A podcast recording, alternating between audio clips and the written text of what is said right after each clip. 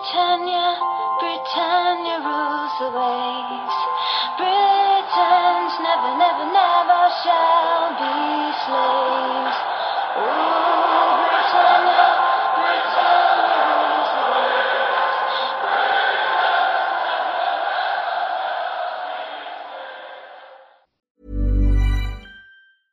Ryan Reynolds here from Mint Mobile. With the price of just about everything going up during inflation, we thought we'd bring our prices down. So to help us, we brought in a reverse auctioneer, which is apparently a thing.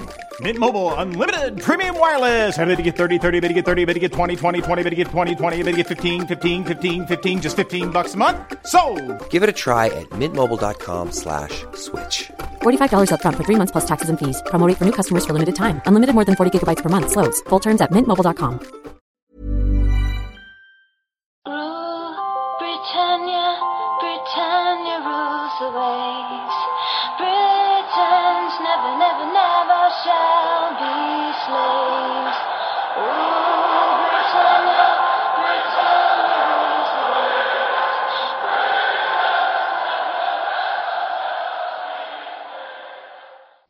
Hej och välkomna till avsnitt 19 av Svenska FPL-podden. Agendan för denna vecka är att vi går igenom Game Week 12, omgången som har gått. Vi kollar in på tre punkter som vi har under noterbart från veckan och här tänkte vi först kika på Liverpools försvarsalternativ. Vi tänkte ta en liten minidebatt kopplat till omröstningen som vi hade på vår Facebook-sida kring Morata om man kan vara ett intressant alternativ i fantasy. Och sen kommer vi gå igenom alla småskador och skavanker som, som är just nu.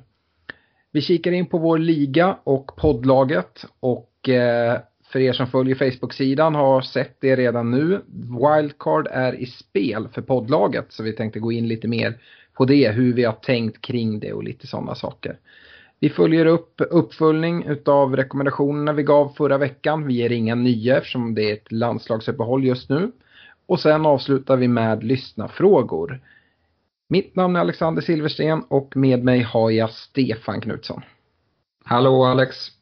Tjena, nu är Wildcard igång. Vi kanske inte ska prata så mycket om det. Vi kommer ju till det längre fram. Uh, vi kan väl säga det, vi spelar in tisdagen den 13 november. Så att eh, landslagsuppehållet har precis dragit igång och eh, vi hoppar väl rätt in i Game Week 12 och första matchen som är mellan Cardiff och Brighton.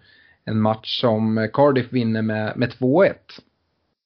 Här eh, så gör Dunk 0-1 efter bara 6 minuter på en fast situation och det är väl hans andra mål här på, på två, två senaste matcherna. Så att eh, han har väl gjort sina mål för år kan man tro. Annars så ser man eh, Cardiff eh, kommer igen från den här eh, 0-1 underläget. Patterson gör sitt tredje mål för säsongen och plockar även alla tre bonus. Han spelar ju out of position vilket alltid är intressant i fantasy-synpunkt när det är åt det hållet att han, man spelar längre upp i planen. Han står ju som mittfältare men får förtroendet att spela forward i Cardiff just nu. Stevens äh, drar på sig ett rött kort i 34 minuten. Ett äh, solklart rött kort tycker jag. Sträckt ben med dobbarna före. Äh, just då står det 1-1 och då blir det ju press från Cardiffs sida här och Brighton lyckas till slut inte hålla emot. Mittbacken Solbamba avgör i 90 minuten. Han plockar även två bonus. Eh, det höll på att bli ett mål via Bissakletas från just Solbamba. Men eh, Bissan tog i stolpen eh, och sen så gör Solbamba mål på tilltrasslad situation där inne. Och det är flera gånger, går fram och tillbaka. Och om, man, om man kollade på matchen i, via Viasats sändning så Eh, Niklas Holmgren får något spel där, och håller på och skriker som man brukar göra. Det kan vara ganska kul att kolla, jag vet att Sportbladet la ut någonting om det, man kan se i efterhand, det är rätt roligt. Eh, det här målet som, som Cardiff gör, om man ska vara helt rättvis, så borde det nog varit avblåst för offside. Dessutom en, en lite rolig grej, jag vet inte om du såg det Stefan, men Solbamba firade ju såklart när han gjorde så sent avgörande, drar av sig tröjan. Men han slapp faktiskt gult kort, det missade domaren helt. Uh, ja, det är ungefär det jag hade att säga om, om den matchen. Vi går vidare till Huddersfield West Ham, en match som slutar 1-1. Angående Solbamba där, han lurade väl till och med domaren för att han, domaren frågade väl om han tog av sig tröjan. Han typ bara, spontant bara, nej det gjorde jag inte. Eh, och domaren trodde på honom. Eh, så ja, det var rätt, eh, rätt kul. Ja, hade vad säger det, han, han, frågade tydligen honom efter matchen. För att eh, det, var, det var rätt svårt att missa. Han slet av sig tröjan och typ kastade den upp mot publiken. Så jag vet inte om han fick tillbaka den sen, det måste han ha fått, eller om han fick någon ny tröja. Så det var efter matchen när det avslutats så kom domaren fram, du förresten, tog du av dig tröjan vid målet?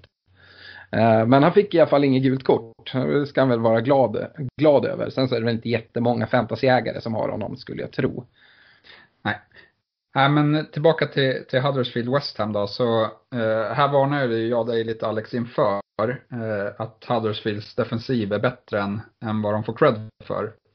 Eh, men det slutade ju med att jag bytte in eh, Anderson i mitt privata lag själv så jag kanske inte tro, trodde på mig själv riktigt där. Men, men det var mer eh, brist på vettiga alternativ eh, för den här veckan. Eh, men som sagt, Huddersfield höll på att ställa till det för West Ham i den här matchen. Eh, de hade ledningen länge, men West Ham får in 1-1 som är faktiskt eh, välförtjänt om man sett till, till chanserna de skapar. Och det är ju faktiskt, det är Andersson som gör målet, så det blev ett bra byte för mig privat. Jag tycker han och Arnautovic är de bästa alternativen i West Ham inför deras fina spelschema efter deras match mot Manchester City då. Eh, det har varit eh, några som har varit intresserade av han Diangana, ynglingen som har fått spela ytter, men eh, han blev utbytt i paus då både West Ham och han gjorde en mindre bra första halvlek. Och det finns ju andra spelare som, som hotar om hans speltid där, så jag skulle inte kolla mot honom om han vill byta in fler än Arnautovic som vi har snackat oss varma för i Huddersfield tycker jag ändå att man kan fortsätta leta försvarsfynd eh, då de har eh, fina hemmamatcher kommande, eh, ja deras kommande fyra hemmamatcher är rätt eh, överkomliga. Eh, och då är det väl främst Schindler och Löve som man kan kolla mot. Men Löve skadade sig dock i den här matchen och blir borta eh, en förmodad längre tid tror vi här med en axelskada. Precis. Eh, uh, Leicester-Burnley, en uh, mållös match som slutar 0-0 och det man kan säga här är väl att det är tillbaka till uh, brottsplatsen, eller om man säger. Det är första hemmamatchen sedan helikopterolyckan för, på King Power Stadium för Leicester. Och uh, dessutom så saknade de ju både Madison och Maguire som missade matchen på grund av skador. Eh, Gesall eh, ersätter Madison som nummer 10 och gör det riktigt bra ur eh, FBL-hänseende kan han vara av intresse skulle jag säga om man blir en mer regelbunden startspelare och kanske får den här nummer 10-rollen. Det är väl svårt ändå eftersom jag tycker Madison har gjort det, gjort det bra där men Gesall gör en jättefin insats. Han tar alla fasta situationer och det har väl också att göra nu med att Madison är borta. Men han är väldigt offensiv. Kollar man på heatmappen så är han den mest offensiva spelaren på plan. Han ligger generellt sett högre upp till och med än vad Jamie Vardy gör som spelar spjutspets i den här matchen. Eh, Vardy, om vi ska gå in på honom, så fortsätter han få skott blockerade på mållinjen. Så snart måste väl målen trilla in. Han eh, har ju fått några sådana där han borde ha fått, fått lite bättre utdelning än vad han fått. Men eh, han skapar även lägen, spelar bland annat fram till ett friläge i första halvlek och med en normal utdelning skulle nog Vardy haft minst 1 plus 1 i den här matchen. Till och med kanske mer. Och Burnley, ja de skapar extremt lite eh, framåt. Gudmundsson går ut med en skadad vad men förmodligen så är inte det något allvarligt men jag tror att han eh, kommer var, missa Islands landslagssamling här. Eh, det är egentligen det jag tar med mig från matchen. Jag tycker nu fick inte Leicester hål här. Det har varit en tung tid för Leicester. Det har varit resa till Thailand för begravning och sådana saker. Men jag, jag tror ändå att, eh, jag tror fortsatt på Leicester med deras spelschema. De har ju några matcher kvar innan deras spelschema vänder. Burnley håller jag mig borta ifrån. Newcastle Bournemouth vinner Newcastle en skön seger. 2-1 blir det. Ja, eh, Newcastle tar sin andra raka seger och Eh, jag tycker inte att de ska skämmas för den. Eh, jag tycker Bournemouth är för dagen rätt svaga defensivt och släpper till alldeles för många lägen. Eh, men Ryan Fraser, han ser fortsatt bra ut och har ett par avslut men framförallt så skapar han ju väldigt mycket chanser för sina, sina medspelare. Medan Wilson, han hade en sämre dag som man kan glömma här. Han hotade inte speciellt mycket alls. Eh, I Newcastle spelade Rondon sin andra match från start och eh, han gjorde det väldigt bra. Eh, han gjorde två mål och fick tre bonus som vi vet. Man hade åtta avslut i matchen och sju av dem var inne i boxen. Och utav de avslutslägena så var det fyra stycken som klassades som big chances då, eller bättre lägen. Så han ser ju väldigt intressant ut skulle jag säga då Newcastle har fint spelschema. Och att han har kommit tillbaka har även höjt eh, Kennedys eh, status lite då han är en duktig ytter som kan bomba på och slå eh, inbjudande inlägg till, till mot Rondon som var taktiken i den här matchen. Så det tycker jag är Newcastles offensiva val.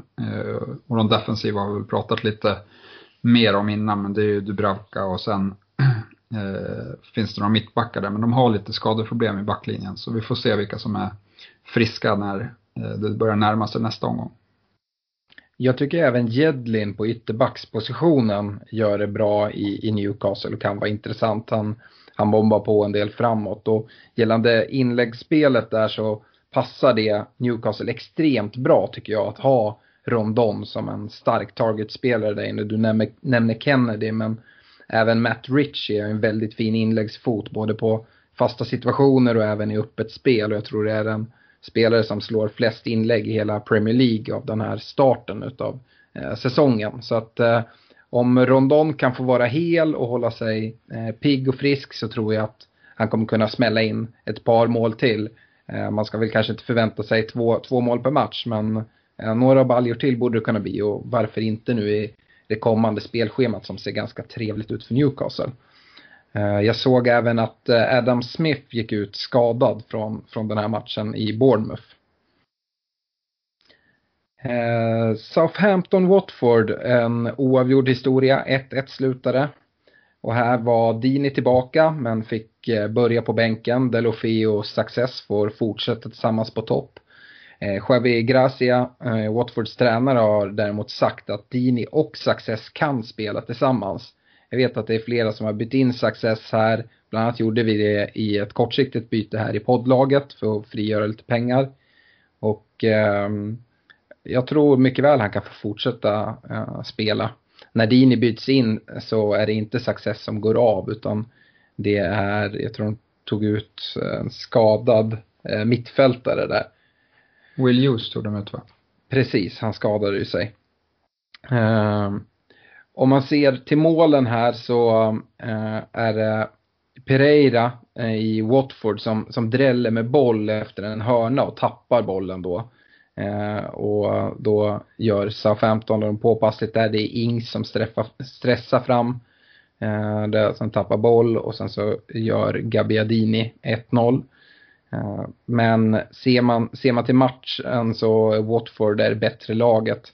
Watford borde, borde ha fått straff eh, och dessutom då ett andra gult kort på Bertrand i mitten av andra halvlek.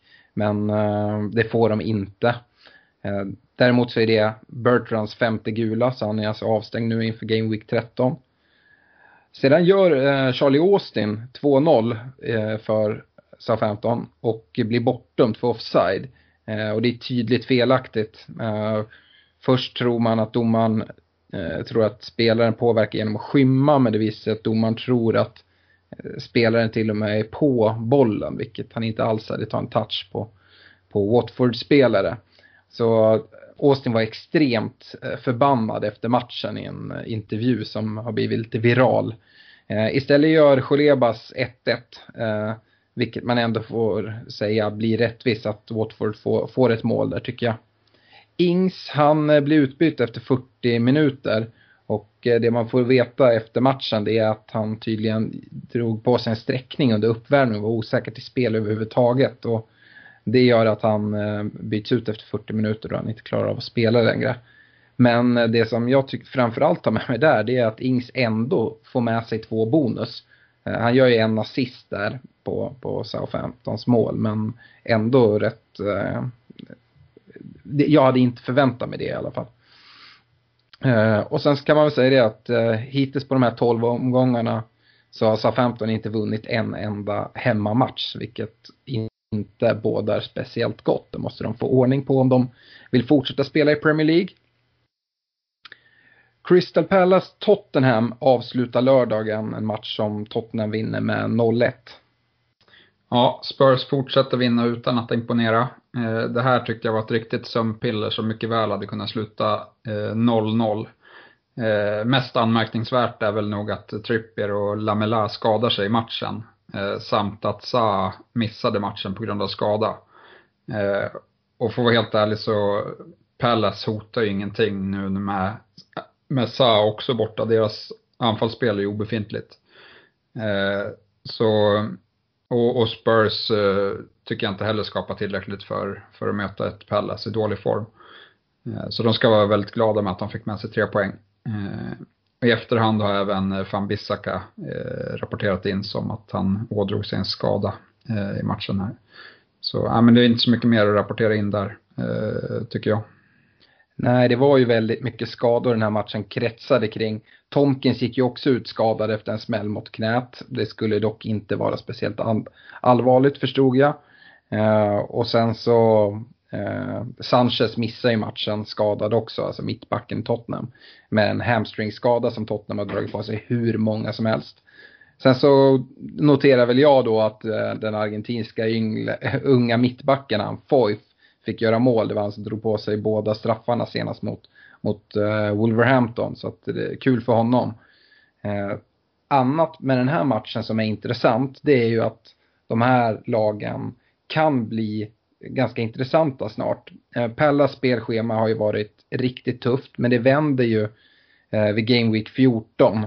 Eh, så att nästa omgång är, möter de United och sen så vänder det för dem. Och då helt plötsligt blir van Bissaka intressant igen om han nu är tillbaka och eh, även Zaha då skulle jag tro eftersom det inte finns så mycket anfallsalternativ.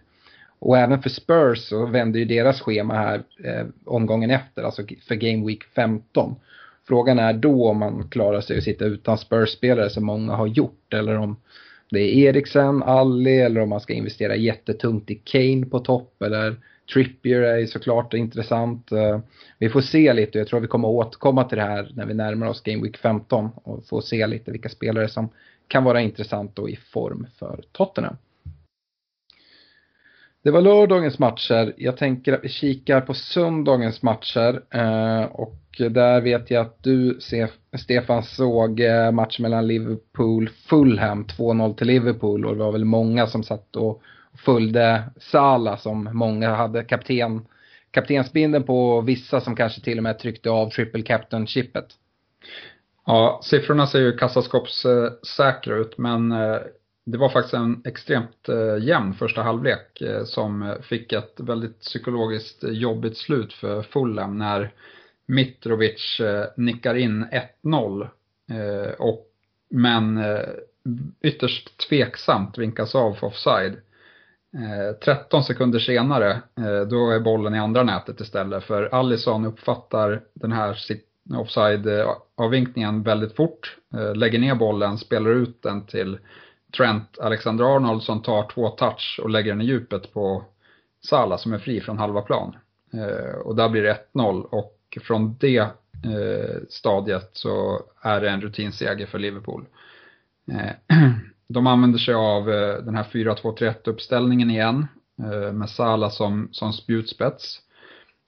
Och även om det finns mer att önska i deras offensiv så är det, han, så är det Sala som hotar klart mest Eh, när de spelar den här, det här spelsystemet. Eh, men jag tycker ändå att det är defensiven som eh, man ska kolla mest på i, i, ur fantasy-synpunkt. Alla bonuspinnar Eh, tillfaller eh, Liverpool defens defensiv i den här matchen till exempel. Eh, Fulham, de kommer till start med en lite mer defensiv uppställning än vad vi har vant oss. Där de spelar med tre mittbackar. Och det ser lite bättre ut. Mitrovic får en oerhört svår uppgift då han får vara ensam eh, spets med rätt dålig understöd. Men han gör det väldigt, väldigt bra som target där uppe. Eh, och eh, tycker jag ser ett piggare ut än vad han gjort på, på länge. Och i den här första halvleken så bränner Fulham ett friläge då Mitrovic tar ner, får ner bollen, eller skarvar bollen till Ryan Sessignon som, som tyvärr bränner där då. Eller ja, tyvärr och tyvärr, han bränner. Men det var en jämn första halvlek och, och Liverpools anfallsspel klickar inte riktigt skulle jag säga. Nej, eh, som du säger, alla bonus hamnar i Liverpools backlinje där med Robertson, Trent och eh, van Dijk. Eh, Trent var väl den som man var mest osäker på skulle få spela, men det fick han göra. Både han och Robertson tog ju assist eh, i matchen. Jag, eh, jag tycker även att, jag tycker nog ändå att Mitrovic är offside, om än det är hårfint. Det som domarna skulle kunna reagera på det är ju att eh, Allison spelar ut bollen när den fortfarande rullar. Att den inte ligger still när han slår till den. Det är väl där Liverpool har lite tur skulle jag säga. Sen så är det en sån här 50-50 situation på offsiden. Det är ju nästan omöjligt att säga även när du fryser bilden. Eh, Shakiri tycker jag är väldigt intressant. Jag tycker han levererar gång på gång när han får, får speltid.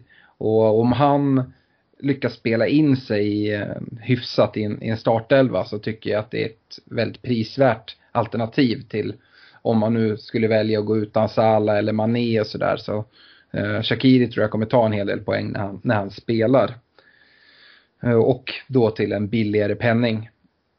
Eh, men Mitrovic såg pigg ut som du sa. Eh, det är möjligt att eh, vi, precis som många andra, har bytt ut honom lite för tidigt. Vi får väl följa och se om, det, om han fortsätter se så här pigg ut. Chelsea-Everton då, Stefan. 0-0 blev det där. Ja, Sarri fortsätter sin obesegrade rad i ligan. Men, men de tappar ju trots allt två poäng i den här matchen i, i striden om i toppen. Eh, trots att de är närmast och, och ro hem den här segern så får de inte hål på Everton som står för en eh, ganska solid defensiv insats i, i Jereminas eh, debut från start. Men utan Pickford så hade det nog inte blivit några poäng för Everton för han gör en väldigt bra match och framförallt en så räddar han en volley från Alonso som ser ut att vara på väg upp i bortre krysset. Eh, I övrigt i Everton så eh, kliver både Sigurdsson och Richarlison avskadade, av skadade. Men Richarlisons skada verkar vara av lindrig karaktär. I Chelsea så, så bänkas Barkley och det innebär nog dessvärre att han återigen är efter Kovacic i, i rangordningen. annars, är det annars är det Hazard som är bra igen och Även Alonso tycker jag gör en fin match. Sen är det noterbart att David Luiz plockar tre bonuspinnar eh, som deras billigaste alternativ i backlinjen. Han har ju fått eh, nytt förtroende under Sarri här och gör det bra. Eh, William är målsumparen för dagen. Eh, han bränner tre bra lägen. Eh, och eh, Morata var på dåligt humör och gnällde på domaren mest hela matchen och får även ett gult kort i, i slutet för klagomål. Eh, Evertons offensiv är svårbedömd då de möter ett bra Chelsea. Eh, men jag tycker Richarlison såg pigg ut under, under matchen. Eh, och, och Sigurdsson, han, han är väldigt svårbedömd för han får en uppgift att punktmarkera Jorginho i den här matchen. Så han bidrar inte jättemycket i det offensiva spelet. Men det var ett taktiskt beslut av Silva där och försöka störa Sarris speldirigent. Eh, annars tycker jag man kan koll, börja kolla mot eh, Evertons backlinje, för de har ett bra försvarsspel. Eh, Pickford i kassen, bra alternativ. Sen har vi Dign eller Digné på, på vänsterbacken eh, som, eh, som är, spelar väldigt bra och gör det bra. Och det har ju ryktats om att Silva kommer rulla ut ett 3-5-2 system när alla hans mittbackar är friska. Och det här skulle ju då innebära att eh, han, Ding, får spela eh, wingback som, som vänster wingback och det tror jag skulle passa honom än bättre. Absolut. Du, eh, du var inne på Jorginho och Sigurdsson. Jag tycker att du missar en eh, extremt avgörande situation i matchen. Eh, I 28 minuten där så kommer Sigurdsson och driver fram bollen och så kommer Jorginho på honom och jagar efter, jagar efter och till slut bara tröttnar och gör en extremt ful kapning på Sigurdsson som han får ett gult kort för. Men för mig är det ett givet rött och då hade nog matchen sett ganska den hade sett annorlunda ut helt klart. Eh, då i så fall Chelsea skulle spelat med en man mindre i över 60 minuter. Hur, hur ser du på den här situationen? Uh, ja, jag har faktiskt missat den situationen så det var ju bra att, uh, att du hade snappat upp den. Uh, men jag hörde att det diskuterades lite därefter. så ja, jag, det var en vidrig satsning skulle jag säga. Ja, det är klart att det hade påverkat matchbilden. Mm. Nej, Alonso som du säger också ser ju faktiskt riktigt fin ut just nu. Han har ju ett avslut som du nämnde där, men utöver det så har han även ett skott i stolpen. Eh, så att eh, ja, han kunde kommit eh, iväg med ännu mer poäng än vad han gjorde. De två avslutande matcherna ska jag drämma av här nu tänker jag. Vi börjar med Arsenal-Wolverhampton, en match som slutar 1-1. Och Wolverhampton har ju förlorat de tre senaste matcherna. Många har vänt sig mot dem och tyckt att det funnits prisvärda alternativ och det har ju även vi pratat en hel del om. I den här matchen får de dock en väldigt fin start eh, med 1-0 efter 13 minuter. Eh, Xhaka ger bort bollen och eh, Cavaleiro gör mål och Jiménez fortsätter plocka offensiva poäng och gör en assist.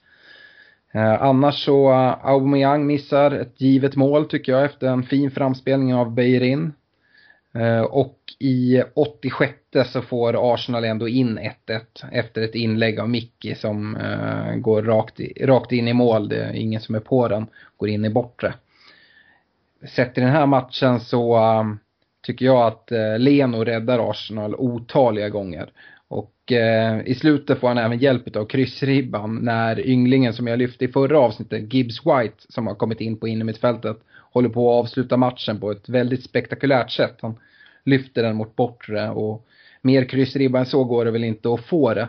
Sen skulle jag nästan vilja lyfta upp det här igen, Stefan. Eh, vi hade ju en diskussion tidigare när Check eh, gick skadad och efter den här matchen så eh, skulle jag bara vilja fråga om du tror att eh, Check kommer komma tillbaka som ett första alternativ eller om Lena har spelat till sig eh, första platsen. Nej, nu, nu hoppas jag att Emery har, eh, har insett att det är Leno som ska stå här. Det var inte så att jag ville ha tillbaka Check utan jag sa ju att eh, jag trodde att Emery skulle ta tillbaka honom. Eh, ja. men, eh, men jag är glad att eh, Leno står för annars hade vi som sagt förlorat den här matchen. Ja, jag tycker Wolves skapar chanser för att göra tre, fyra mål i den här matchen. Eh, Arsenal ser ju roliga ut offensivt om man har kollat liksom, de senaste åren. Kanske inte superfina just den här matchen offensivt men defensivt ser det, ser det svagare ut. Sen så tycker jag också att Jiménez, han kommer fortsätta leverera poäng. Han gör en assist här. Jag tror framförallt att han kommer göra assistpoäng för att han bränner ju alldeles för mycket själv tycker jag. Men för den pengen och så som det ser ut på anfallssidan så börjar han växa fram som ett av de bästa alternativen att, att ha på topp tycker jag.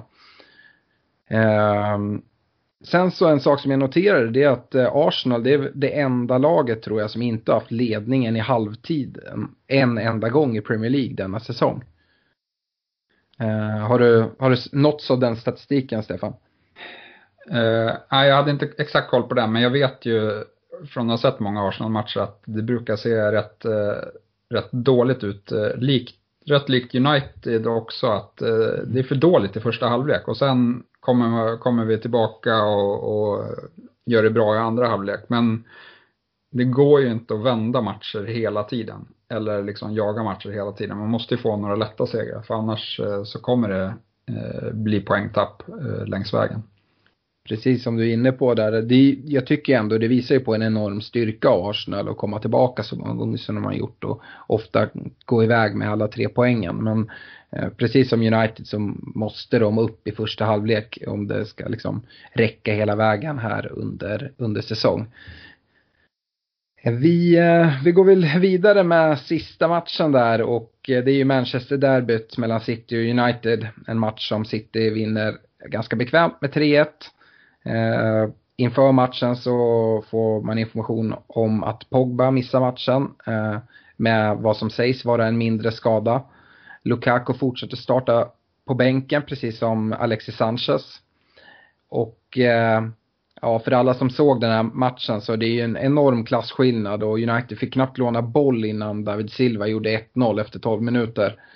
Eh, det, det står sig ju in till halvtid men United oroar egentligen ingenting under första halvlek. Eh, andra halvlek så hinner knappt börja innan den nyblonderade Sergio Aguero drar upp bollen i nättaket. Eh, väldigt fint. Eh, sen så bjuds United in lite i matchen. United har inte skapat i stort sett någonting men superslarvigt gjort utav Ederson, ger bort en straff precis som förra veckan som jag var inne på. Han eh, river ner Lukaku han kommer ut lite konstigt både här och förra matchen mot Southampton där Lukaku, precis som jag tror det var, eh, var det Ings som blev nerriven eh, förra veckan Eh, de är i ganska ofarliga situationer och långt ut och inte något riktigt läge. Men han glider ut och sen petar Lukaku undan bollen och sen så river, river Ederson ner honom. Det gör i alla fall att eh, Martial får lägga straffen och förvalta den väl. Nu har han gjort mål fem matcher i rad för United och går in i en fin skara med anfallare i Uniteds historieböcker. Rooney, York, Cole, eh, Van Nistelrooy, Cantona, Van Persie. Så att eh, Ja, intressant. Eh, och eh, nu är inte Pogba med. Jag är lite osäker på om han är första straffskytt längre. Däremot är ju Lukaku på plan. Men det är Martial som får ta straffen. Nu vet jag inte om det har någonting att göra med att det är Lukaku som blir neddragen. Men eh, Martial kan eh, potentiellt vara nästa straffskytt även om Pogba är på plan. Så det tycker jag man ska ta med sig också. Eh, Gündogan stänger matchen i slutminuterna efter ett eh, jättefint förspel, eh, långt bollinnehav, men jag tror det blev 44 passningar inom laget. Men eh, ja, under den här dagen jag tycker jag United utmanar egentligen aldrig. Eh, och sen så tar jag med mig att Shaw tog sin femte varning och är alltså avstängd nu nästa match efter landslagsuppehållet mot Crystal Palace. Har du något eh, du vill tillägga Stefan? Nej men det är ju, det är som du säger, det är en överlägsen seger även om, även om när man satt och kollade på matchen så var det bara ett mål som skilde eh, under en tag där i slutet. Men United hittar ju liksom all, aldrig en chans att ens göra 2-2. Eh, och eh, där i slutet så orkar de knappt eh, pressa på City längre. Så nej, fullt rättvist eh, United är inte i, i närheten i den här matchen. Sen kan man ju tillägga att eh, United hade mycket, mycket tuffare Champions League eh, spel än vad City hade när de spelade eh, bortamatch mot Juventus. Så deras energinivå kanske var på en annan nivå för den här matchen också. Absolut, det tar ju emot för mig som United-supporter att säga men vi, vi är ju inte ens i närheten av Citys nivå, varken i den här matchen eller egentligen som det ser ut den här säsongen. Och det är väl väldigt få som är det. Om det är någon som kanske ska kunna utmana, men jag ser även det som ganska otroligt, så är det väl Liverpool. Men City är riktigt, riktigt vassa i år. Jag tycker de är bättre i år än vad de var förra året när de ändå var så pass överlägsna. Jag tycker de har blivit bättre men framförallt så har ju utmanarna då i, i Chelsea och Liverpool framförallt eh, skärpt till sig och blivit, blivit ännu vassare. Så förhoppningsvis kan det bli, bli lite jämnare i år i alla fall. Eh, vi släpper matcherna där och går vidare till noterbart från veckan. Och där nämnde jag att vi skulle starta och kolla lite på Liverpools försvarsalternativ. För att här, nu i veckan som var som sagt, eh, Game Weekend, där eh, gick ju alla bonuspoäng till försvararna. Och det finns ju lite, det finns flera olika alternativ man kan välja och i lite olika prisklasser. Jag tänker att vi börjar lite i den lägsta prisklassen och sen jobbar vi oss uppåt så får du, du gärna säga några ord om, om varje spelare om du ser några för eller nackdelar. Och um, Kollar man på den billigaste spelare som jag har valt ut så är det Trent Alexander-Arnold som just nu kostar 5,0. Ja, nej men han är ju väldigt intressant när han spelar. Han, har, han tar väldigt mycket poäng när han, när han spelar. Eh, om man kollar på poäng per match till exempel. Eh, och han har väldigt fin fot. Så han skapar ju lägen som i den här matchen när han Eh, snabbt uppfattar att Salah är i läge. Eh, så offensiva poäng eh, kan trilla in på honom, även bonuspoäng. Men den stora nackdelen är ju att han är en rotationsrisk. Men, men kanske framförallt i de tuffare matcherna. Då, då Klopp kan eventuellt vill spela med Lovren i mittförsvaret och då flytta ut Joe Gomez som, som högerback. Eh, men det vi såg nu här i, i matchen mot Fulham, det, det känns ändå som att om man ska blicka framåt någon säsong, då är ju det Liverpools eh, tilltänkta första elva. Sen vet jag inte hur, hur mycket Lovren kan påverka det. Men eh, nej, som sagt, eh, han är en rotationsrisk, eh, men, men intressant ändå skulle jag säga. Fördelen är ju just priset, han tar fasta situationer och han hotar även i det eh, liksom löpande spelet med offensiva poäng. Plus då alla de här spelarna har ju bra poäng, bra chans till, till nollor och så. Um, så att ja, uh, om man eh, väljer att lägga till 0,1 då kommer man upp till just Joe Gomez som kan spela både mittback och, och ytterback. Ja, och då kliver man även upp ett snäpp på hur säker, säkra starten är. Man kliver inte upp till, till van Dijk Robertson nivån, men eh, jag skulle säga att han ändå är lite säkrare än eh, Trent Alexander på, på sina starter. Men det kanske är just i de tuffa matcherna, så jag vet inte om, eh, om han... Jag lutar ändå efter den här matchen mot att, att jag tycker Trent är mer intressant än, än Joe Gomez, men då får man köpa att, eh, att Trent eh, kan eh, bänkas någon match då och då. Ja, och det här tycker jag är helt rätt. Det är lite då man får ställa mot varandra, Trent och Gomez, eftersom det är ungefär samma prisklass. En spelare som jag inte har valt att ta med, kan jag nämna, det är ju Lovren just. Han kostar 4,9 tror jag, så han är väl lite, precis under Trent. Eh, men jag har valt att inte ta med honom här. Eh, går man upp då och kollar på det lite övre prisklassen, då har du van Dijk på 6,0. Ja, han är ju ett bra alternativ. Det såg vi nu när han tog bonus. Och hade det inte varit för att eh, både Trent och Robertson hade eh, gjort assist här, då tror jag att eh, van Dijk i alla fall hade fått eh, två bonus. Jag tror han hade snott bonus från Trent eh, i den här matchen.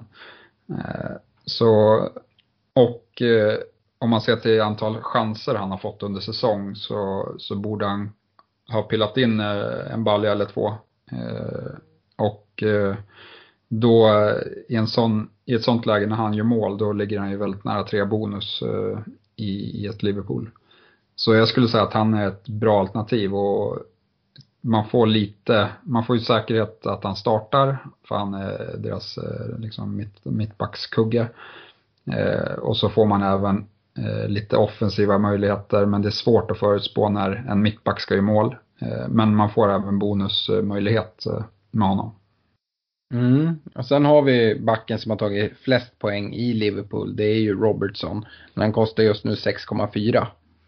Ja, eh, men han, han är nog värd eh, de extra pengarna ändå. För att eh, även utan hans assist så hade han tagit tre bonus. Han var, han är extremt bra på att samla på sig de här BPS-poängen som leder till bonus.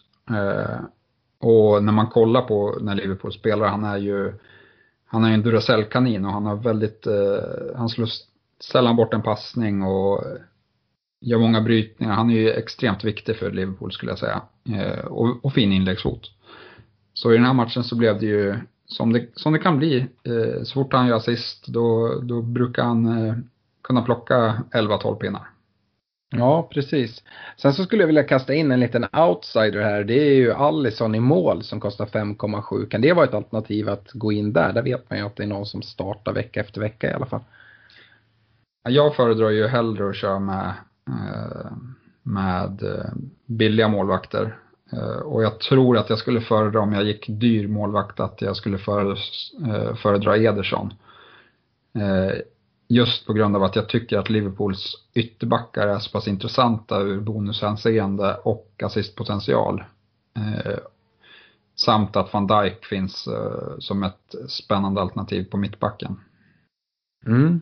Jag har ju gjort så i mitt privata lag att eh, jag har ju valt att gå utan både Sala och Mané nu. Och eh, spelar istället Trent och Robertson. Så jag har egentligen båda där för att eh, säkra upp mig och få både försvarspoäng men även offensivt. Så att, eh, skulle du säga att det kan vara intressant att dubbla upp i Liverpools försvar eller är det en för stor risk tycker du?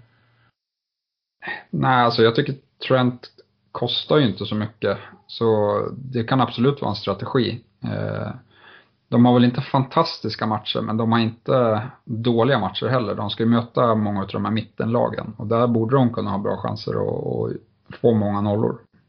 Mm. Och kanske lite offensiv utdelning också från ytterbackarna. Och ska man säga någonting där, det tycker jag också man ska nämna. Du var inne på att van Dijk kanske ligger lite lågt. Han borde kunna fått lite högre utdelning sett till de lägen han har haft. Det skulle jag även vilja säga gäller Trent Alexander-Arnold. Eh, Robertson har fått fått mer poäng men eh, jag tycker Trent har i stort sett skapat lika mycket när han spelar och som sagt sina eh, fasta situationer. Så att han tror jag man kan förvänta sig en del offensiva, offensiv utdelning ifrån om han bara får spela. Absolut, jag håller med om det. vi släpper Liverpool där och går över till en annan obesegrad sida och det är Chelsea och Morata. Vi, vi pratade lite kort om honom här i förra avsnittet där du sa att det kunde vara en differential att ta in och tro att ja, men nu kanske det händer. Och jag motsätter mig ju starkt Morata-alternativet. Eh, så till slut så la jag upp en omröstning på, på vår Facebook-sida. Vi fick in 118 röster där på några dagar och eh, det slutade 79-21 procentmässigt då till min favör att Morata, varför ska man ta in honom? Eh, jag tänkte vi kan följa upp det lite och är det fortfarande en spelare som du blickar åt och, och tror kan, kan vara någonting? Inte för nästa omgång. Eh, och sen, sen ska man väl ha med sig att eh, eh jag tyckte att hans insats här mot Everton eh, var väl inte den bästa. Eh, han verkade vara på dåligt humör av någon, någon anledning. Han klagade på, eh, framförallt när han fick ett mål som var helt korrekt avvinkat för offside. Eh, var han bombsäker på att han var onside. Eh, så det var ju, det var ju lite kul att, att se honom på det humöret. Men, men liksom, han hade en off, off day men, men det man även kan ta med sig var att han fick 90 minuter. Jag var, jag var stensäker på att Giroud skulle komma in i den här matchen när det stod 0-0 och Chelsea hade egentligen allt bollinnehav. Eh, men, men det tyder ändå på någonting att eh, vad Sarri tycker om Morata. Eh, så jag tycker att eh, där inför deras fulla match så kan han fortsatt vara intressant, men jag är inte helt såld. Eh, och därav differential-valet i förra, förra poddveckan då. Men nej, jag, jag tycker han är intressant för Chelsea, skapar mycket lägen och han får mycket lägen och kan han bara sätta dit lite, lite fler lägen utav dem så, så tycker jag att han ser intressant ut. Jag drar inte alls samma slutsats som du kopplat att Giroud inte kommer in. Det här har ju Sarri pratat om tidigare och att eh, Giroud har, har visat så här utmattningssymptom eh, på att hans muskler inte riktigt återhämtar sig som de ska. Så jag tror bara att han fick fortsätta vila där. Men jag tror att framöver att det kommer vara egentligen en coin flip vem av dem som startar.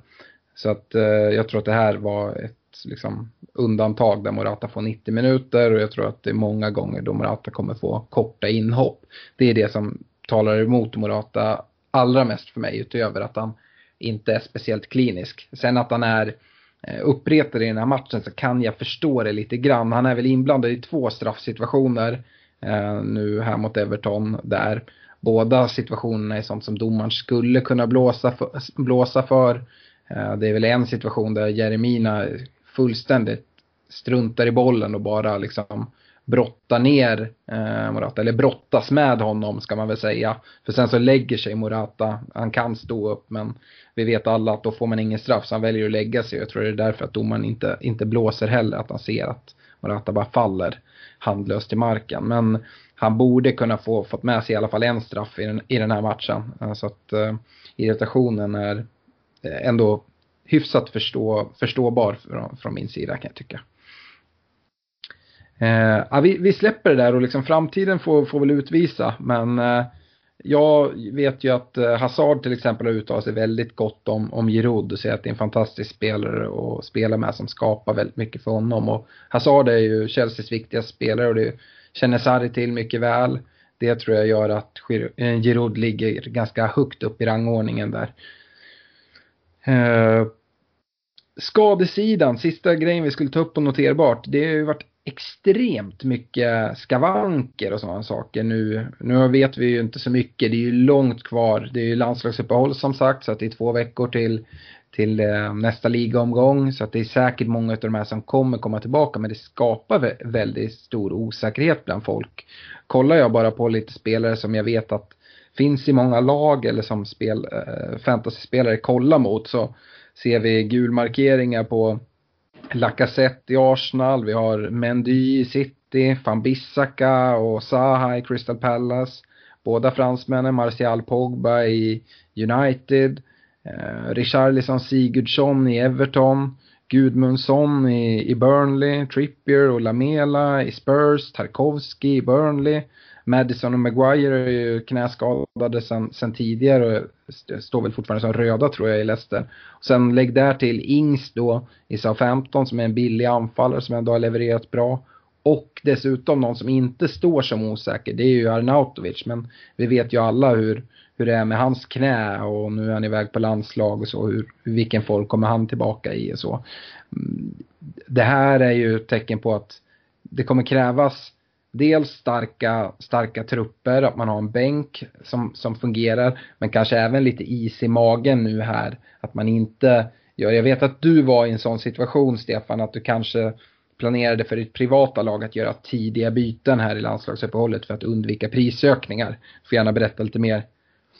Ja, men jag såg att eh, Martial och Jiménez som jag eh, funderade på att ta in båda två eh, skulle gå upp i pris. Eh, och det kändes, eh, kändes rätt surt att båda de eh, skulle gå upp i pris. Så jag funderade mycket och länge eh, på att göra bytena. Eh, då, ja det var väl i söndags tror jag, eller i måndags. Eh, men beslutade mig för att det var för stor risk. Och vi får väl se eh, hur, det, hur det utfaller men just, eh, just nu känns det rätt bra när de här ryktena om att Martial var skadad kom i alla fall. Ja, jag, jag manar generellt sett till att, att ta det lite lugnt men jag vet inte, jag är en ganska försiktig fantasygeneral där. Jag, jag vill inte göra mina byten Eh, för tidigt. Speciellt inte när det är landslagsuppehåll. Ju längre in vi kommer på säsongen desto mer skador och sådana saker kommer vi se när man, kom, när man kommer tillbaka från, från sånt här. Um, yes. Vi, vi kikar in lite snabbt på poddligan. Vi har en ny ledare där. Uh, etta nu är Jesper Sundblad med hans lag Oerhörda Pandor. Han tar 62 poäng i gameweeken och totalt Eh, imponerande 849 poäng. Tvåa har vi Donald Fallström, 843 poäng totalt. Och trea är eh, den ledaren vi har haft under en längre tid. Det är Miran Lurr som har en lite sämre omgång och tar 45 poäng i omgången. Totalt ligger han då på 835 poäng. Eh, om vi istället kollar på vårt poddlag så tog vi 62 poäng den här omgången och eh, nu är vi inne på, på topp 100 igen i ligan. Vi, vi låg ju 101 inför omgången och har klättrat till plats 90. Så att vägen ner mot nummer ett är eh, igång nu. Och nu som sagt har vi dragit wildcardet. Vi, average för den här omgången var 48 så 62 poäng är ändå helt okej. Okay. Vi, vi eh, gjorde ju ett byte där, där vi tog in Sala och Success eh, för 4 minus istället för med, skadade Madison och Agüero.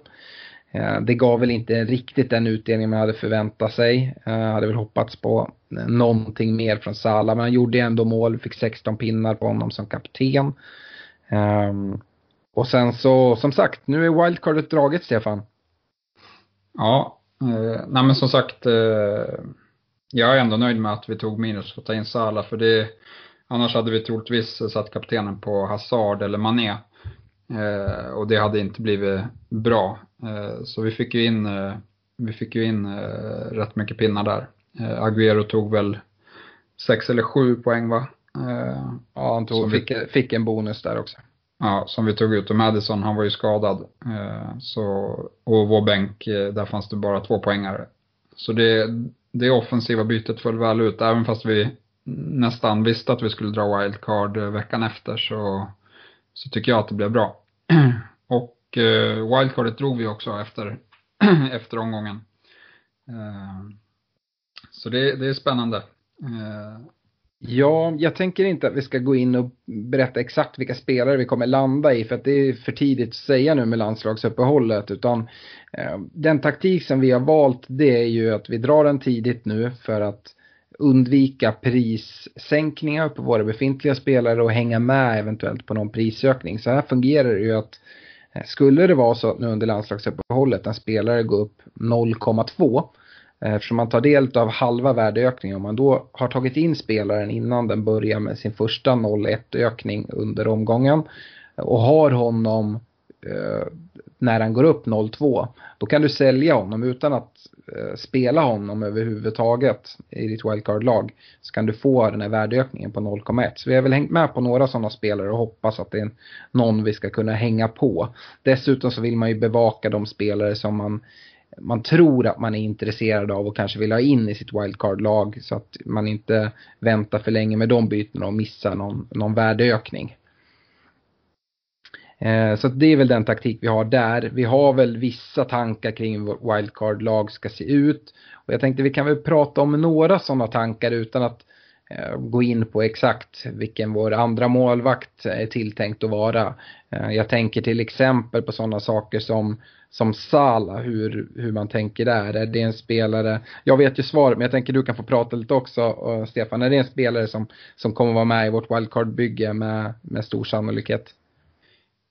Nej, inte med stor sannolikhet. Uh, vi vi uh, drar ju en wildcard lite för att vi planerar att dissa honom här. Uh, vi tycker väl att han är för dyr just nu för vad Liverpool presterar. Det är ju bara på Anfield som han, han är intressant egentligen. Och de har en del bortamatcher som kommer.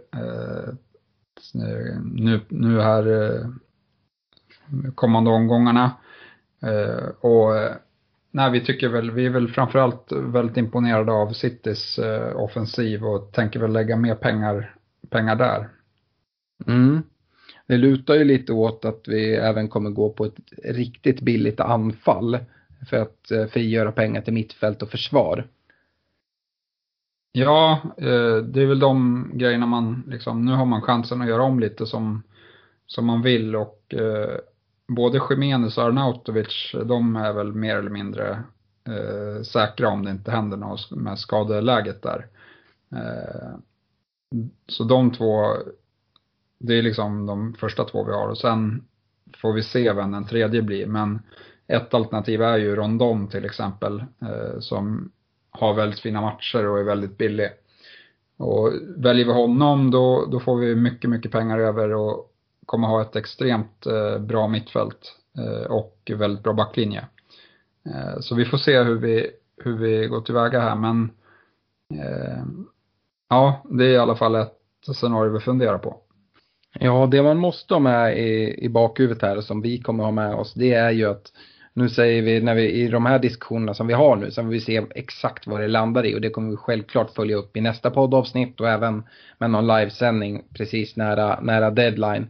Men eh, det är att eh, kaptensalternativen, nu, nu nämner vi att Sala funderar vi på att gå utan, vi pratar om en billig anfallsuppsättning då man alltså då inte sitter med Agüero som är ett annat eh, alternativ som en spelare som levererar på, på ganska hög jämn nivå. Uh, Hazard kommer väl vara en del i bygget om, det inte, om inte han bryter benet här under landslaget. Uh, så där är ju ändå en, en riktigt bra kapten men man vill gärna ha någon mer. Och eh, jag säger det att om man väljer att gå utan Agüero då bör man ha någon i Citys mittfält, kanske till och med dubbla upp. Vi kollar väl på kanske Sterling, kanske David Silva. David Silva har vi ju redan som det är just nu i poddlaget. Och han, han gjorde ju mål mot United också eh, och jag tycker han levererar på en hög jämn nivå. Men kaptensval måste man ha i bakhuvudet när man kollar på sitt lag. Eh, och ja, det kommer vi få brottas lite med. Så att det kommer, vi kommer hålla er uppdaterade. Men wildcard är i alla fall draget och eh, nu har ni hört lite tankar kring, kring varför vi drog det och eh, vilka, vilka planer vi har för det. Så får man se, det kan ändra sig många gånger under de här, de här två veckorna. Eh, det, det vet jag sedan av tidigare erfarenhet att saker kan svänga rätt snabbt. Jag fick även en fråga på förra livesändningen uh, som jag hade att uh, jag, jag, nämnde något om att det, man får ett nytt wildcard här kommande. Det var någon som inte kände till det men så fungerar det ju för de som inte känner till det som är nya i spelet att man får ett, ett nytt wildcard efter halva säsongen. Så att uh, det betyder att om du inte har dragit ditt wildcard än och när det har, halva säsongen har gått så kommer du inte ha två wildcard. Så att om du väljer att inte spela det här första wildcardet så, så är, det, är det borta helt enkelt. Det ska man också känna till. Um, vi går väl och följer upp förra veckans rekommendationer tycker jag. Eh, de har ju varit lite sådär de, de senaste veckorna. Vi har lyckats med några som har gått in rätt fint men eh, även en hel del missar. Den här veckan tycker jag det ser, ser lite bättre ut när jag kikar. Kollar man till exempel på våra backrekommendationer så valde vi båda Liverpool-alternativ. Jag gick på, på van Dijk eh, som plockade sju pinnar och du Robertson som tog mest poäng av dem alla och med sina 12 poäng. Uh, Okej, okay, då har jag skrivit fel här. Jag, hade, jag har skrivit Chilwell här, men det kanske var det kanske var så att jag ändrade mig i sista stund där. Uh, ja, du ville ha en Liverpool-försvarare sa du. Du sa att du hade skrivit upp Trent först, men att du ångrar dig då du inte trodde han skulle spela. Ja, men det var väl extremt bra rekommendationer eh, i sånt fall. nej, men eh, det var ju 12 och 11 pinnar in eh, och vi har ju varit inne på det än, vad vi, liksom, att vi tycker att det är väldigt bra alternativ eh, mm. där i Liverpool. Ja. Eh, mittfält gick vi också på mittfältssidan, ganska säkert kort kan man tycka. Eh, Mohamed Salah tog ju 8 poäng. Eh, många förväntar sig väl, eller hade förhoppningar på, på mer poäng, men ah, ändå helt okej, okay, speciellt sett till att till exempel då eh, Hazard som var en stor utmanare om kaptensbindeln om man inte hade Salah inte levererade riktigt och så. Eh, så åtta pinnar blev det på, på Salah, behöver väl inte säga något mer om det riktigt. Eh, det var ju även, kan vi nämna, både ditt och mitt kaptensval som vi hade som rekommendation den här veckan. Ja. ja. Nej, alltså jag, jag tyckte det var rätt fair poäng han fick från fulla matchen också. Han hade några till halvlägen men inget som så här, det där borde han ha gjort mål på utan det var lite vinkelskott och, och så. Eh, på forwardsidan fortsätter vi att kämpa. Jag rekommenderar Arnautovic, fick ju ingen utdelning och endast två poäng. Eh, värt att säga också från den matchen tycker jag är att Arnautovic inte var speciellt giftig och farlig och inte alls så involverad som han tidigare har varit. Uh, du, du gick på Jamie Vardy där och jag gick ju igenom lite att jag tycker att han borde fått 1 plus 1 med normal utdelning i den här matchen. Men han får ju ingenting, det blir 0-0 och han får två poäng. Nej, det är ju det är som sagt det är frustrerande. Det har varit många matcher nu med där han inte har plockat några pinnar. Eh, och deras spelschema kommer inte vara bra för alltid så det kanske, tåget kanske har gått med honom. Eh, men nu vet jag inte, vi äger ju inte honom så det är lite lättare att dissa honom då. Om man sitter med honom då kanske man eh, ändå väljer att behålla honom. Det förstår jag i sånt fall. Jag äger honom privat och jag kommer att hålla ut där. Jag tycker ändå han ser fin ut och jag tror att eh, det, det, det, kommer, det kommer lossna. Sen så får man se ut, han är hela tiden under luppen såklart. Eh, Men så länge han fortsätter skapa så här och spelschemat fortsätter se bra ut så kommer han få chansen och mycket på grund av att jag inte riktigt ser några bättre alternativ just nu heller. Ehm, på varningssidan så ehm, var ju både du och jag inne och nämnde Trent. Eh, och det var ju för att vi trodde att han riskerade att inte starta. Jag tror till och med att vi sa det att om han startar så har han väldigt goda chanser till poäng. Men, eh, och det, han tog 11 pinnar.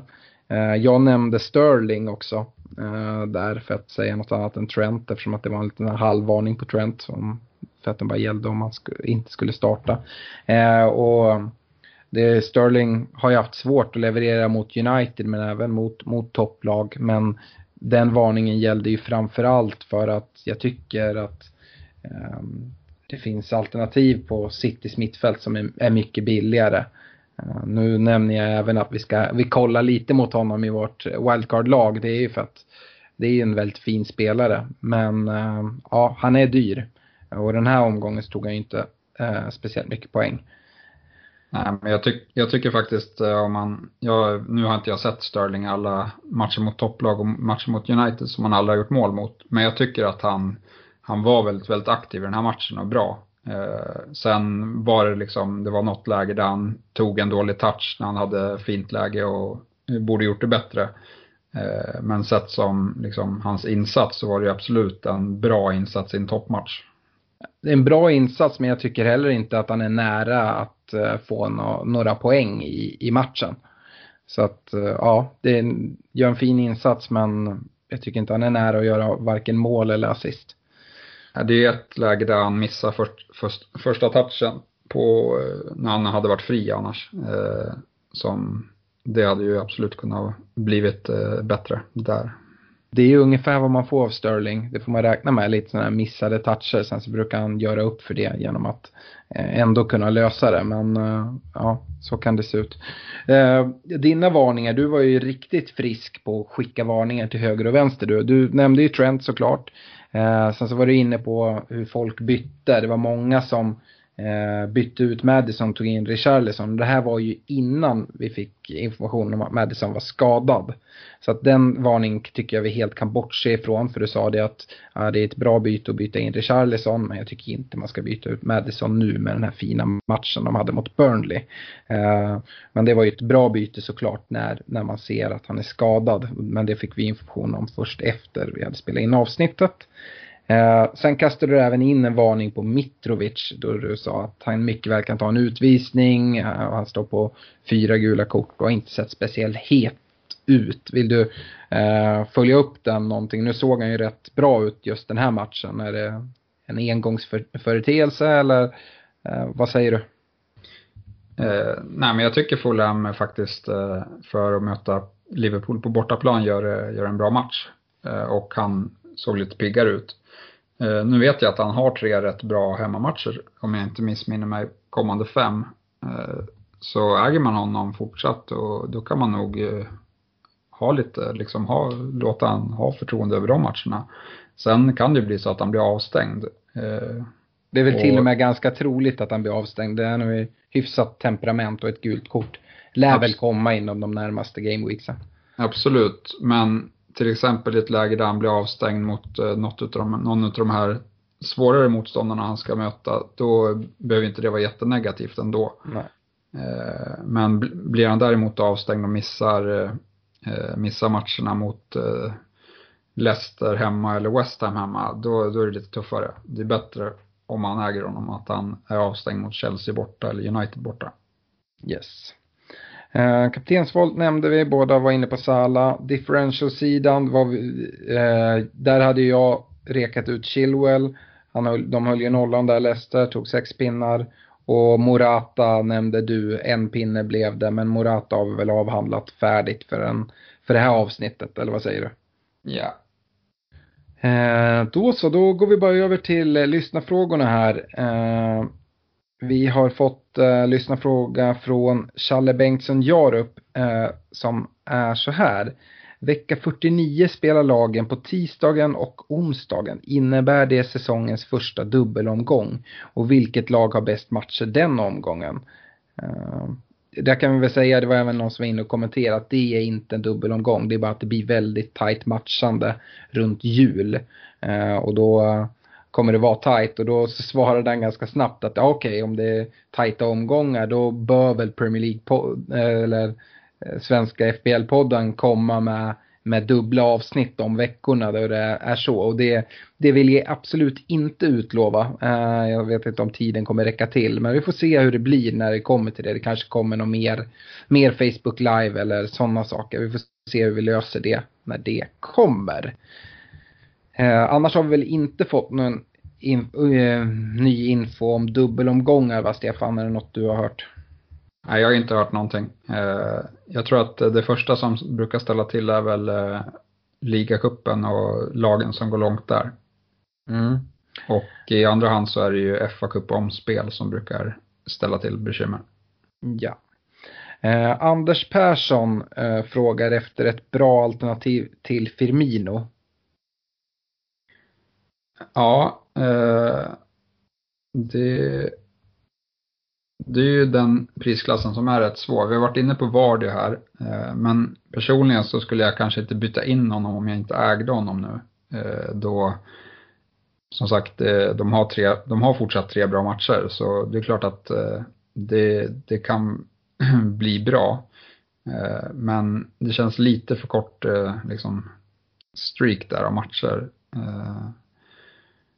Annars, eh, ja, Nej, det är svårt i den, i den prisklassen. Men som sagt, vi har ju, vi har ju rekat Arnautovic eh, innan, som är billigare. Han tycker jag ändå att man kan kika mot. Eh. Man kan ju gå på de alternativ som vi var inne på när vi pratade vårt wildcard. Att gå billigare i anfallet och då downgrada till Arnautovic du är inne på. Han kanske man redan äger men annars kolla mot Rondon eller Jiménez om man inte sitter med dem och investerar pengar på, på övriga positioner. Det är ju aldrig fel. Eh, annars som sagt, det är en svår där mellanprisläge. Lite dyrare än Firmino är väl ändå Lacazette och det är väl en spelare som, som jag ändå tycker kan vara intressant här, här framåt, eh, eventuellt. Um, Håkan Sparre skriver, vad tror ni om Louvren i Liverpool? Kommer han att bli en startspelare snart? Jag sitter med både honom och eh, Trent Alexander-Arnold. Tror ni att de kommer starta ihop eller sitter jag med två rotationsspelare?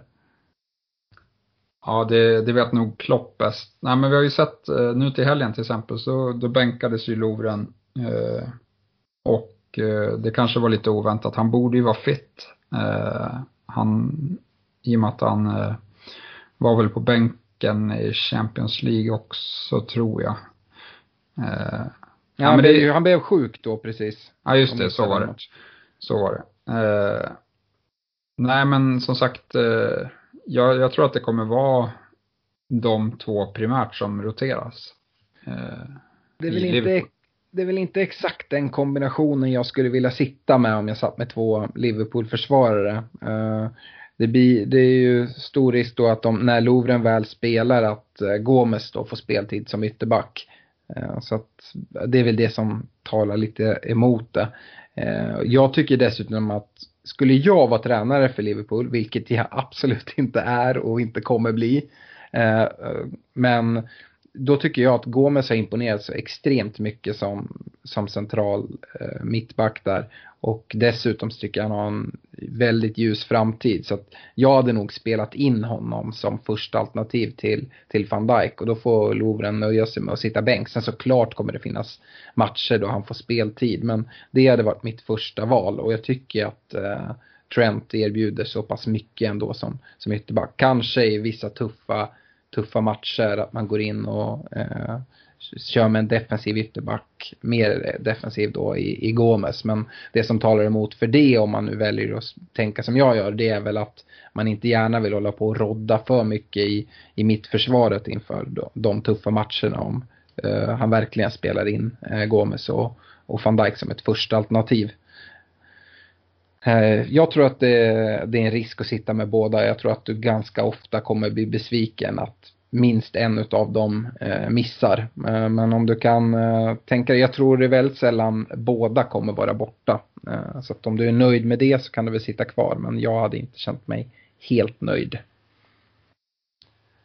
Sen så har vi fått en sista fråga här från han som leder ligan, Jesper Sundblad. Han skriver så här, om ni satt med både Fabianski och Balbuena, hur skulle ni hantera det? Just nu känns det inte bra att ha dubblat upp på deras försvar. Balbuena är farlig på fasta situationer, men Fabianski brukar kunna få en del räddningspoäng och kan tydligen ta bonuspoäng utan att hålla nollan. Ja. Ja, det beror lite på vad man har för alternativ där, vad man har för andra backar tänker jag väl främst på då. Eh, andra målvakter som är bra eh, är ju till exempel Patricio tror vi ju fortsatt på då Wolves, eh, eh Wolves eh, imponerar. Eh, men där är det ju där är ju det bästa kortet att gå på Doherty om man inte har honom. Eh, annars har vi ju han som jag har i mitt lag, det är ju som bara är bra på hemmaplan, eh, men det är ju Ryan i, i Brighton. Eh, mm. Så sen, sen får, tycker jag väl ändå, nej jag vet inte, det är svårt med målvakterna, men det är väl framförallt de, eh, de korten som jag tycker är den prisklassen som är intressanta. Ja, alltså jag hade inte känt mig så trygg med att sitta och dubbla upp West Hams försvar, även om jag tycker att deras matcher ser bra ut. Jag ser ju hellre att dubbla upp med, med Felipe Andersson och Arnautovic framåt för West Ham. Eh, för där tror jag det kan, kan bli åka av, men det är risk att det kan bli åka av bakåt också. Och Fabianski är en målvakt jag gillar, så han kanske jag hade hållit kvar i, men kanske då skeppat eh, uh, Balbuena. Eh, men det är svårt att säga beroende på hur, hur laget ser ut i övrigt. Och, och, ja precis, och det beror på hur man känner med backarna också. De billiga backare som jag kollar mest på i den prisklassen är ju fan Bissaka och, eh, och en utav Huddersfields backar som jag pratade lite om. Eh, tyvärr så skadar ju Löve sig som har varit bra från sin wingbacks roll så då är det väl eh, Schindler kvar då. Mm. Uh, han ställer även en fråga om en annan målvakt och säger uh, vad tycker ni om jurist till 5,4? Fantastiskt schema en lång tid framöver om, om ett par game weeks. Nej, jag tycker det är för dyrt. Då hade jag hellre valt uh, Pickford i Everton som är duktig på att rädda straffar, bra liksom, skotträddare generellt och man har ju sett att han kan plocka en del bonuspoäng. så där tror jag ändå att man har en målvakt som kommer plocka lite mer poäng än de här 4,5 eh, målvakterna. Ja, jag lockas inte heller av Juris. Eh, sen så tror jag att med det här spelschemat som Tottenham kommer gå in i så kommer nog de hålla en hel del nollor. Men jag tror att det finns andra ställen att, prioritera eh, spelare på. Så, det var det vi tänkte ta den här veckan. Nu eh, är det ju som sagt landslagsuppehåll men vi kommer ju såklart tillbaka om en vecka igen med ett nytt avsnitt. Pratar lite mer om vårt wildcard-lag, hur det har utvecklat sig, hur tankarna går just då. Eh, det kommer ju inte vara ett spikat wildcard-lag då heller, det törs jag nästan säga. Eh, men det borde vara lite klarare än vad det är just nu. Och eh, sen så kommer vi gå in på rekommendationer då, ge rekommendationer inför Game Week 13. Det man kan säga som jag, vi inte har pratat alls om nu, det är ju att Wolverhamptons matcher nu efter landslagsuppehållet ser riktigt fina ut efter att de har haft rätt tuffa matcher här eh, ett tag. Yes, det var allting. Eh, jag hoppas att ni har is i magen nu under landslagsuppehållet och sparar era byten. Och och eh, att ni nu under landslagsuppehållet ser till att prata med vänner och bekanta och eh, berätta om vår podd så att vi får fler lyssnare. Eh, om ni inte gillar vår Facebook-sida, gå in och gilla den. Vi heter Svenska FPL-podden där. Och ehm, har ni några frågor så, så skicka in dem och gärna feedback också. Vi tar jättegärna emot feedback om podden och vad vi bör prata om. Med det så säger jag tack och hej. Ja, vi hoppas ju även att eh, ljudet eh, har varit mycket bättre idag då vi tror att vi har fått till en bättre uppsättning än tidigare. Eh, så eh, det får ni också gärna kommentera på. Men annars så önskar jag lycka till och tack och hej.